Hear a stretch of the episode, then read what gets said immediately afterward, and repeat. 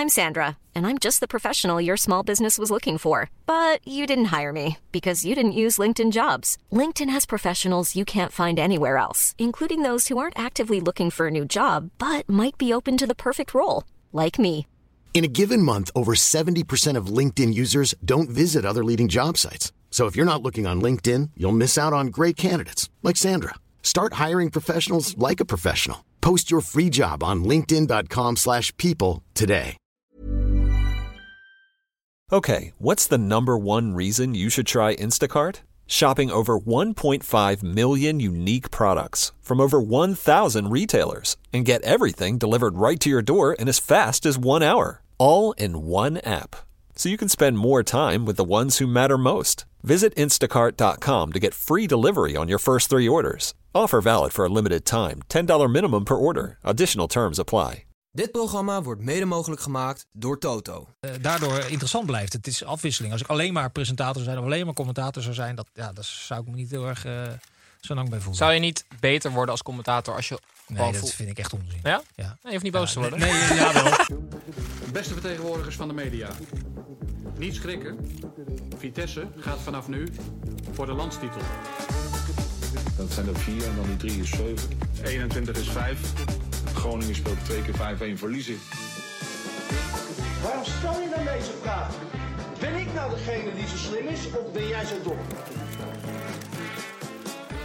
Hallo allemaal en goed dat jullie weer zijn aangeschoven bij een nieuwe persconferentie. Waarin ik, Gijs, de perschef, probeer de aanwezige journalisten iets wat in toom te houden. eh, Terwijl die de gast letterlijk en figuurlijk de hemd van het lijf zullen vragen over van alles en nog wat. Eh, Ik zie dat de zaal ja, redelijk bezet is. Weer twee meneren van de derde helft aangevuld met vragen van onze digitale volgers. Aangeschoven is commentator Vincent Schildkamp. En we gaan het hebben over het vak van commentator, de voetbalinterviews en voetballiefde. Eh, Vincent, welkom. Heb je wel eens aan deze kant van de tafel gezeten? Nee, nog nooit. Dat wilde ik ook eh, zo lang mogelijk vermijden. Maar het is natuurlijk gebeurd. Het moment is daar. Ja, Voordat je er een erg in had. ja, misschien kijken we wel heel anders tegenaan vanaf nu. Dat zou Ja, kunnen. ja, zeker. Nou goed, Eh, voor mensen die je niet kennen, je bent comment- commentator, presentator bij ESPN. Eh, zelf niet onverdienstelijk gevoetbald in het eerste van HBS. En fanatiek duursporter, wat niet onbelangrijk is. Liefde voor kaas en wijn zullen we hier niet uitweiden, maar die heb je wel. Dus als mensen ooit iets aan jou willen geven, denk ik een goed stuk kaas met een mooie Zeker. fles wijn. Oude brochelkaas, ja. Heel goed, hou een brok kaas. Bij deze. Eh, gaan we nu naar het eerste onderwerp van de persconferentie. Het vak van commentator. Ik zie vragen vanuit de zaal. Ja, Pepijn van de derde helft. Ja, het duurt waarschijnlijk in, in het commentatorvak vrij lang voordat je bent waar je nu bent. Heb je ooit onderweg getwijfeld om de, om de handdoek te gooien? Zeker. Ik was een jaar of tien bezig of zo. En je had natuurlijk voor mij een eh, generatie die opgegroeid was bij NOS. Theo Rijtsma, Eddie Poelman, Evert ten Apel. Die bleven ook vrij lang zitten. En waaide op een gegeven moment uit naar de commerciële zenders... waar ik eh, werkzaam was. En daar kwam je niet zo makkelijk doorheen, zeg maar. Je, kwam, je had voor je gevoel altijd het idee dat je... eh, mindere wedstrijden aan het doen was, tussen aanhalingstekens. En waarom zeg ik tussen aanhalingstekens? Op een gegeven moment heeft Evert ten Apel mij een keer apart genomen. Die zegt, luister jongen, eh, je mag van alles vinden over de wedstrijden die jij toebedeeld krijgt. Maar neem nou van mij één ding aan. De wedstrijd die jij doet, dat is de belangrijkste wed- wedstrijd van het weekend. Dat klonk toen voor mij als een enorm cliché. Maar aan de andere kant, later ben ik erover na gaan denken. dacht ik, ja, hij heeft gewoon eigenlijk volkomen gelijk. Want een luisteraar, of het er nou 10.000 zijn of 3 miljoen... die zit niet te wachten op een zagrijnige commentator... die niet eens is met de indeling van zijn chef. Daar, heeft, hebben ze gewoon helemaal niks mee te maken. Dus dat heb ik toen wel in mijn, in mijn hoofd eh, gepland. En ik zat toen ook wel een beetje op een doodspoor bij de zender waar ik toen zat.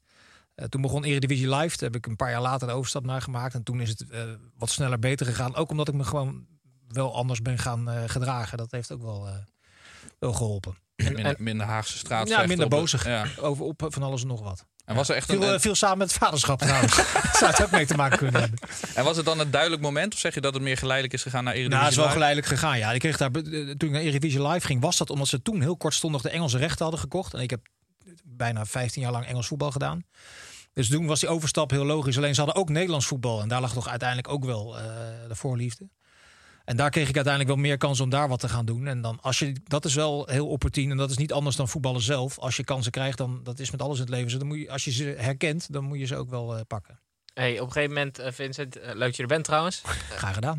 Heb je als commentator ook dat je voor het eerst de Champions League tune hoort bij een wedstrijd? Hoe, hoe, krijg je nou kippenvel?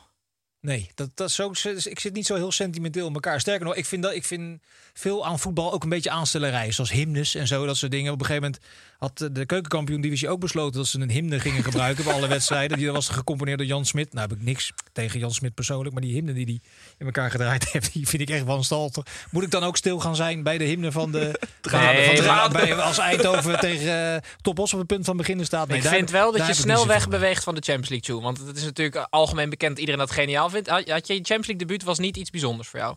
Ik kan me niet eens herinneren wat mijn eerste Champions League Dat, wedstrijd is. dat was Echt niet bijzonder dan. Dat zou ik echt niet weten. Nee, ik weet wel mijn eerste live wedstrijd. Dat was wel kippenvel. Dat was eh, Newcastle United, Manchester United. Een paar dagen na de aanslagen van 9-11 in- Amerika. Dus Mhm. dat was twijfelachtig of ik wel of niet naar die wedstrijd toe zou gaan. Besloot om het wel te doen. En toen, dan, ik kwam toen voor het eerst aan in een vol Engels voetbalstadion. St. James's Park is trouwens echt een, een, een, een must voor iedere voetballiefhebber om dat een keer een volle bak mee te maken. Bij voorkeur de derby tegen Sunderland. Maar ieder, dat is zo'n majestueus gaaf stadion. Het was tegen United in toptijd met Scholes en met Beck en met Van Nistelrooy. Die wedstrijd eindigt in 4-3. Shearer en Keane eh, kregen met elkaar, eh, met elkaar aan de stok een vechtpartij. Dus dat was wel, dat was de eerste live wedstrijd waar ik bij was. En toen heb ik wel echt om me heen staan kijken. Wat, waar ben ik toch in hemelsnaam in beland? Voor vak. Is ook wel wedstrijd. Dus die wedstrijd staat me wel bij. Maar de eerste Champions League wedstrijd, ik zou het echt niet meer weten. Mijn debuut was eh, RBC FC Omniworld. Maar jij zat op het veld. Uiteindelijk is dat het allermooiste. Ja. ja, wat, is, wat is voor een voetbalcommentator de meest onderschatte uitdaging?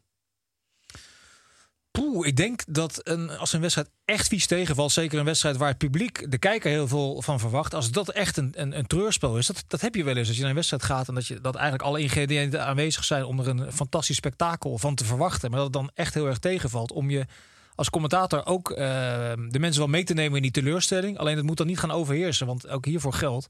Mensen zitten niet zo heel erg te wachten op iemand die 90 minuten lang uh, zaggerijnig is, omdat hem niet geboden wordt eh, wat hij ervan verwacht eh, had. Maar dat, is af, dat vind ik af en toe echt wel lastig. Ja. En wat, wat is voor jou het doel van een commentator? Eh, Ik vind dat die vergelijking hebben we wel eens vaker gebruikt. Ik vind een commentator in eerste instantie dezelfde rol moet hebben als een scheidsrechter. Als je achteraf niet weet uh, of je niet aan geërgerd hebt, zeg maar, dan heeft de commentator aan de belangrijkste taak uh, voldaan. Namelijk dat hij uh, de, wedstrijd moet begeleiden. Zonder zelf in de spotlights te treden. Maar dat is mijn stel. Ik weet ook dat er commentatoren zijn die een andere stel nastreven. Maar dat is, dat is zoals ik het beleef, ja. En waar, waar kan je nog als commentator in, naar doorgroeien? Niet, bedoel ik niet in kwaliteiten, maar wat is zeg maar je, je eindplan? Waar wil je staan als commentator over, uh, over tien jaar? Ja, je wil een keer de perfecte wedstrijd doen. Dus dat je geen uh, versprekingen hebt. Dat je taalvondsten hebt. Dat je alle cruciale momenten in de wedstrijd uh, goed beoordeeld hebt. Uh, die, die drie elementen vallen tot nu toe eigenlijk. Ik denk dat ik ruim 2000 wedstrijden gedaan heb. Die zijn nog nooit samengevallen. Dus dat is het ultieme doel. En, dat, kan bij, dat het, kan bij Eindhoven de Bos zijn. Vragen, ja. En dat kan bij de halve finale van de Champions League zijn. Dat, ja, dat weet ik niet. Um, Everton Napel heeft uh, Fopduik bedacht.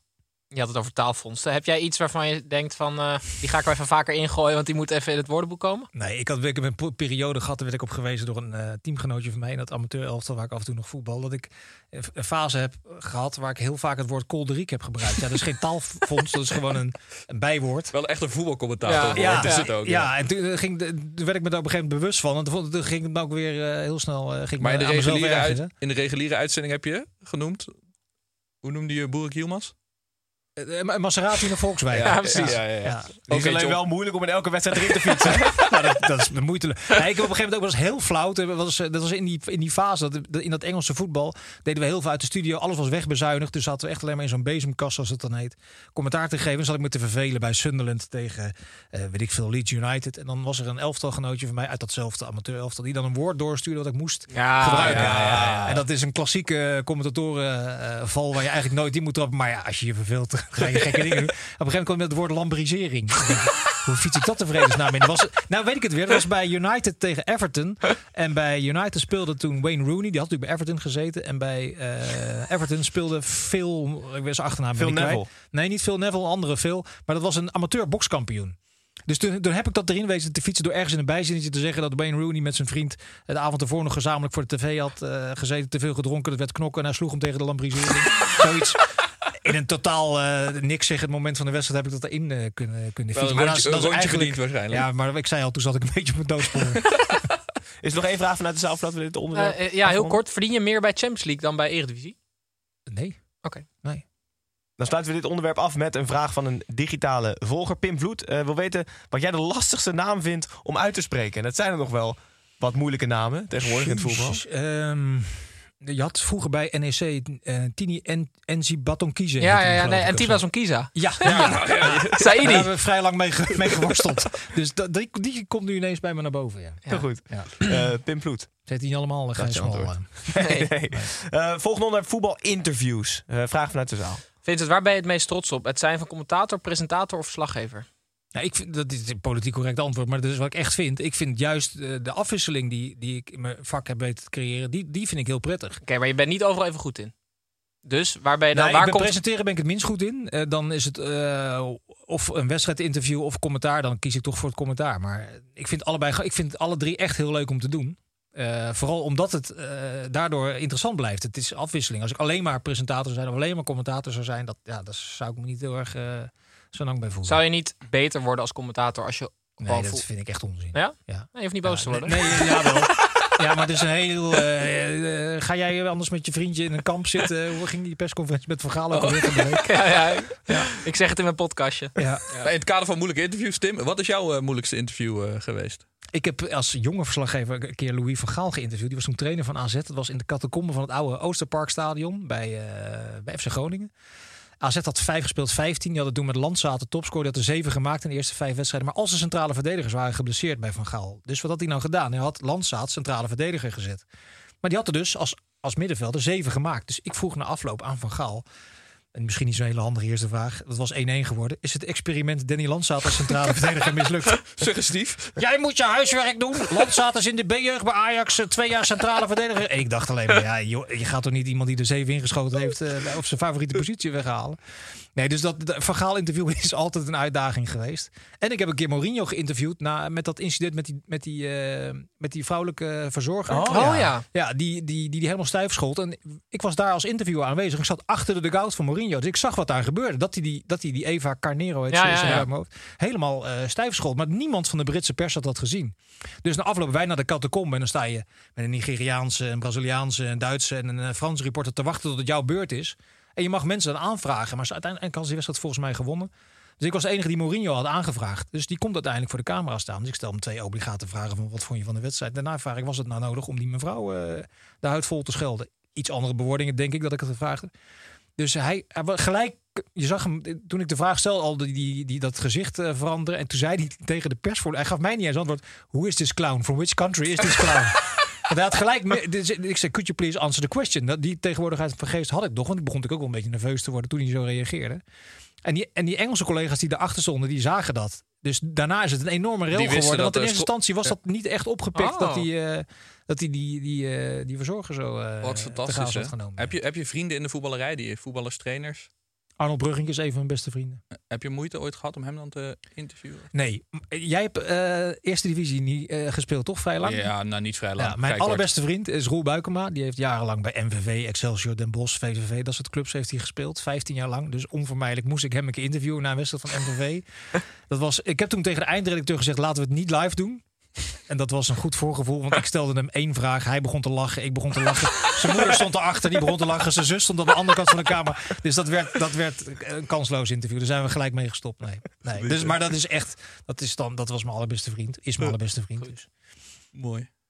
Sluit het onderwerp af met een vraag eh, van onze digitale journaliste Jesper Ros. Wil weten of jij beter Leo Alkemade's werk kan doen of Leo Alkemade beter jouw werk. Ik vermoed dat Leo Alkmaar beter mijn werk kan doen. ja. Nee, ik heb heel weinig acteertalent. Dat moet je maar aan eh, mijn vrouw vragen. Diepgaande, diepgaande vragen hier. Waar was jij gisteren? Ja. Ja. In de kroeg? Bij de jongens van de podcast. Ja, ja. Tot tien uur, oké.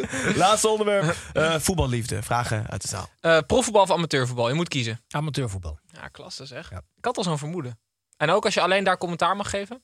Ik heb, het, ik heb het voor Radio West een aantal jaar gedaan. Was die zaterdag. eh, Dat was toen nog voordat de KNVB die hele amateurcyclus om zeep hield. Met al die divisieindelingen die ieder jaar weer veranderen. Toen had je de zaterdag hoofdklas in de Bollenstreek. Met Lisse, Quick Boys, Katwijk, eh, Noordwijk, Rijnsburgse Boys. Dat was iedere week een derby. Dat was iedere week 4000 man langs de lijn. Daar ben ik begonnen en dat was echt wel de charme van het amateurvoetbal. Dorp tegen dorp, iedere week weer. eh, Met alles erop en eraan. Gekke wedstrijden, knokpartijen, de hele, alles wat erbij komt kijken. Dat was wel echt een, echt een goede leerschool is dat geweest. Maar de, ja. po- het, ja, dus jouw werk is heel leuk, maar volgens mij is de wereld waarin je werkt is de afgelopen decennia veel minder leuk geworden.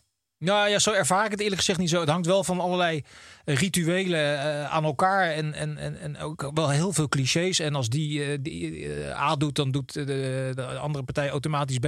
Nee, dan wat er bij Fortuna aan de hand is. Daar is een spits eh, binnengekomen die eigenlijk veel groter is dan de club. Dat weet, dat weet eigenlijk iedereen.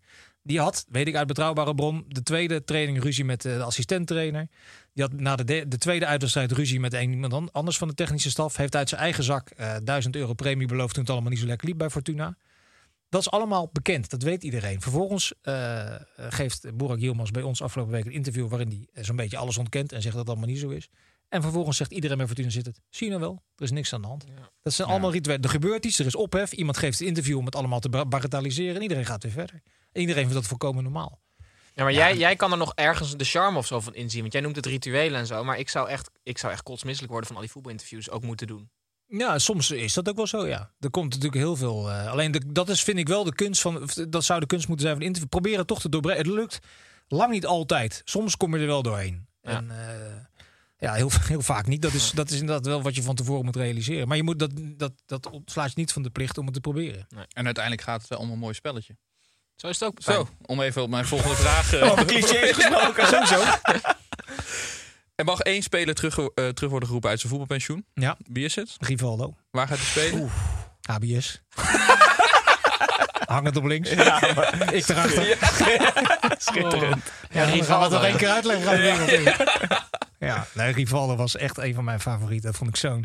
Met alles wat erbij kwam kijken. Die lag natuurlijk ook om de havenklappen. Lag hij ondersteboven te rollen alsof hij was neergeschoten vanaf de tribune. Het beroemde voorbeeld was dat, dat Die WK. corner, toch? Bij die corner. Bij die, Ja, ja, ja. Tegen Turkije. Turkije. Ja, Ja, ja, ja. zijn knieën en Ja. hij greep naar zijn oor en zijn kin. En weet ik wat er allemaal aan de hand was. Nee, maar dit was zo'n goede voetballer. Die omhaal, waarbij- van, die omhaal van 25 meter Ja. die hij maakte ooit. Ja. Ja, Van Gaal ging op een andere positie neerzetten. En toen had hij er eh, gelijkmaling aan. Maar wat vond je zo goed aan hem? Hij was net voor Ja, mijn het, tijd. het, het, onvoors- het onvoorspelbare. Dat, hebben natuurlijk veel Braziliaanse spelers gehad. Maar hij had helemaal geen Braziliaans postuur. Hij Nee. was vrij groot. Hij kon heel behoorlijk koppen. Maar hij, die jongen was ja, een soort slangenmens eigenlijk. Echt prachtige voetbal om naar te kijken. ja. Ehm, Schitterend. je mag nog maar één shirt dragen, Vincent. En het is een voetbalshirt. Welke, welke zou het zijn? Ja, wat denk je? HBS natuurlijk. Ja, natuurlijk. Ja, Met Rivaldo maar achterop. Ik, ik ben daar, ja, ik ben daar 41 jaar lid. Het is mijn club altijd geweest, van kleins af aan. Die ging altijd met het eerste elftal mee. Ging nooit naar, naar betaald voetbal. Ja, één keer per jaar. Maar dat was in de jaren 80 nogal een hachelijke, gevaarlijke onderneming om ADO Den Haag te bezoeken. Toen nog FC Den Haag. Dus daar kwamen we eigenlijk niet. Ze ging Dat kon je ook eigenlijk maar één keer per jaar doen. Dan, eh, ja, daarna was het weer eh, gebeurd. Nee, maar dat is echt zo. In de jaren 80 was, was een, een voetbalstadion in Nederland eh, behoorlijk eh, eh, onveilig. En dat realiseerden mijn ouders zich toen ook al. Dus ik ging eigenlijk al heel, heel veilig met HBS mee naar uit te scheiden in de derde of de vierde klasse. Gijs, ik heb. Gijs, ik, maar- perschef, ik heb nog één vraag over thema 1. Dus even terug. Oh ja, oké. Eh, luister je je eigen wedstrijden terug. Nee, eigenlijk niet. Ja, soms wel flarden. Doelpunten die voorbij komen of spelsituaties waar ik getwijfeld heb over iets wat ik gezegd heb. Dat probeer ik nog wel eens terug te luisteren. Maar hele wedstrijden terug te luisteren vind, vind ik onge- heel ongemakkelijk. Oké, Heel goed. dat was hem. Goed, dan sluiten we hem af met de laatste vraag van eh, onze volgers. Eh, Wouter ten Zijnhof wil weten wat jij op dit moment de- beste middenvelder vindt. Je hebt net al Rivaldo, beste speler alle tijden. Beste middenvelder, Eredivisie mag, maar mag ook daarbuiten aangezien je natuurlijk Champions League moet doen deze week. Ja, eh, de beste middenvelder van de eredivisie. Oeh, dat is een goede vraag. Ehm het feit dat ik er al zo lang over na moet denken wil zeggen dat er niet iemand echt bovenuit... Nee, of ze eh, liggen allemaal- ja, of ze steekt. liggen nee, ik, vind, ik, ik vind als je Frenkie de Jong goed gebruikt, vind ik Frenkie de Jong de allerbeste centrale middenvelder van de wereld. Mooi. Maar ze gebruiken hem lang niet altijd even, Nee. even goed. Hij heeft toen in, eh, tegen Duitsland en Frankrijk volgens mij twee zulke magistrale Ja, wedstrijden ja, achter ja. elkaar gespeeld. Als middenvelder. Waar die Nederland zelf er volledig naar zijn hand zet. Alleen ja, dat gejojo en dat geklooi met het contract, weet je, dat, dat helpt natuurlijk niet mee allemaal. Nee. Goed. Eh, laatste vraag van ons aan de gasten is altijd: hoe ziet jouw ideale derde helft eruit? Nou, eh, kijken naar mijn club hier bij, eh, bij HBS. Dan staat afgelopen is ouderwets aan de bar hangen met mijn eh ploeggenoten. Waarmee ik op donderdagavond nog heel sporadisch wel eens train. Maar dat komt veel te weinig voor. En dan goed doorzakken. Eindigen in een restaurant. En dan om een uur of elf. Een, Acteren tegen je vrouw. In een taxi spelen. en zeggen dat ik bij de podcast ben geweest. Ziek, ziek lang blessuretijd hadden we. Nee, zo ziet dat eruit. ja. Super mooi. Zin Hey, ehm, ik zie geen vraag meer uit de zaal. We sluiten de persconferentie bij deze af. Dank voor jullie aanwezigheid. Journalisten, dank voor het kijken. Kijkers, dank voor het luisteren. Luisteraars. ehm, vrijdag nog even voetbalmanager met Tim in de toekomst van het voetbal. Dan zijn we er zondag weer. En dan bedanken wij met z'n allen Vincent Schildkamp voor het aanschuiven. En bij deze heb je een alibi om thuis te. Goed zo. Hartelijk dank. Dankjewel.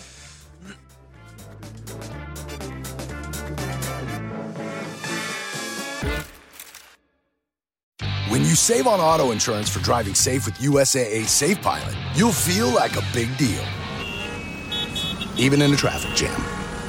Save up to 30% with USAA Safe Pilot. Restrictions apply.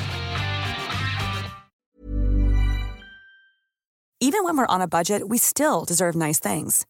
Quince is a place to scoop up stunning high end goods for 50 to 80% less than similar brands. They have buttery soft cashmere sweaters starting at $50, luxurious Italian leather bags, and so much more. Plus, Quince only works with factories that use safe, ethical, and responsible manufacturing.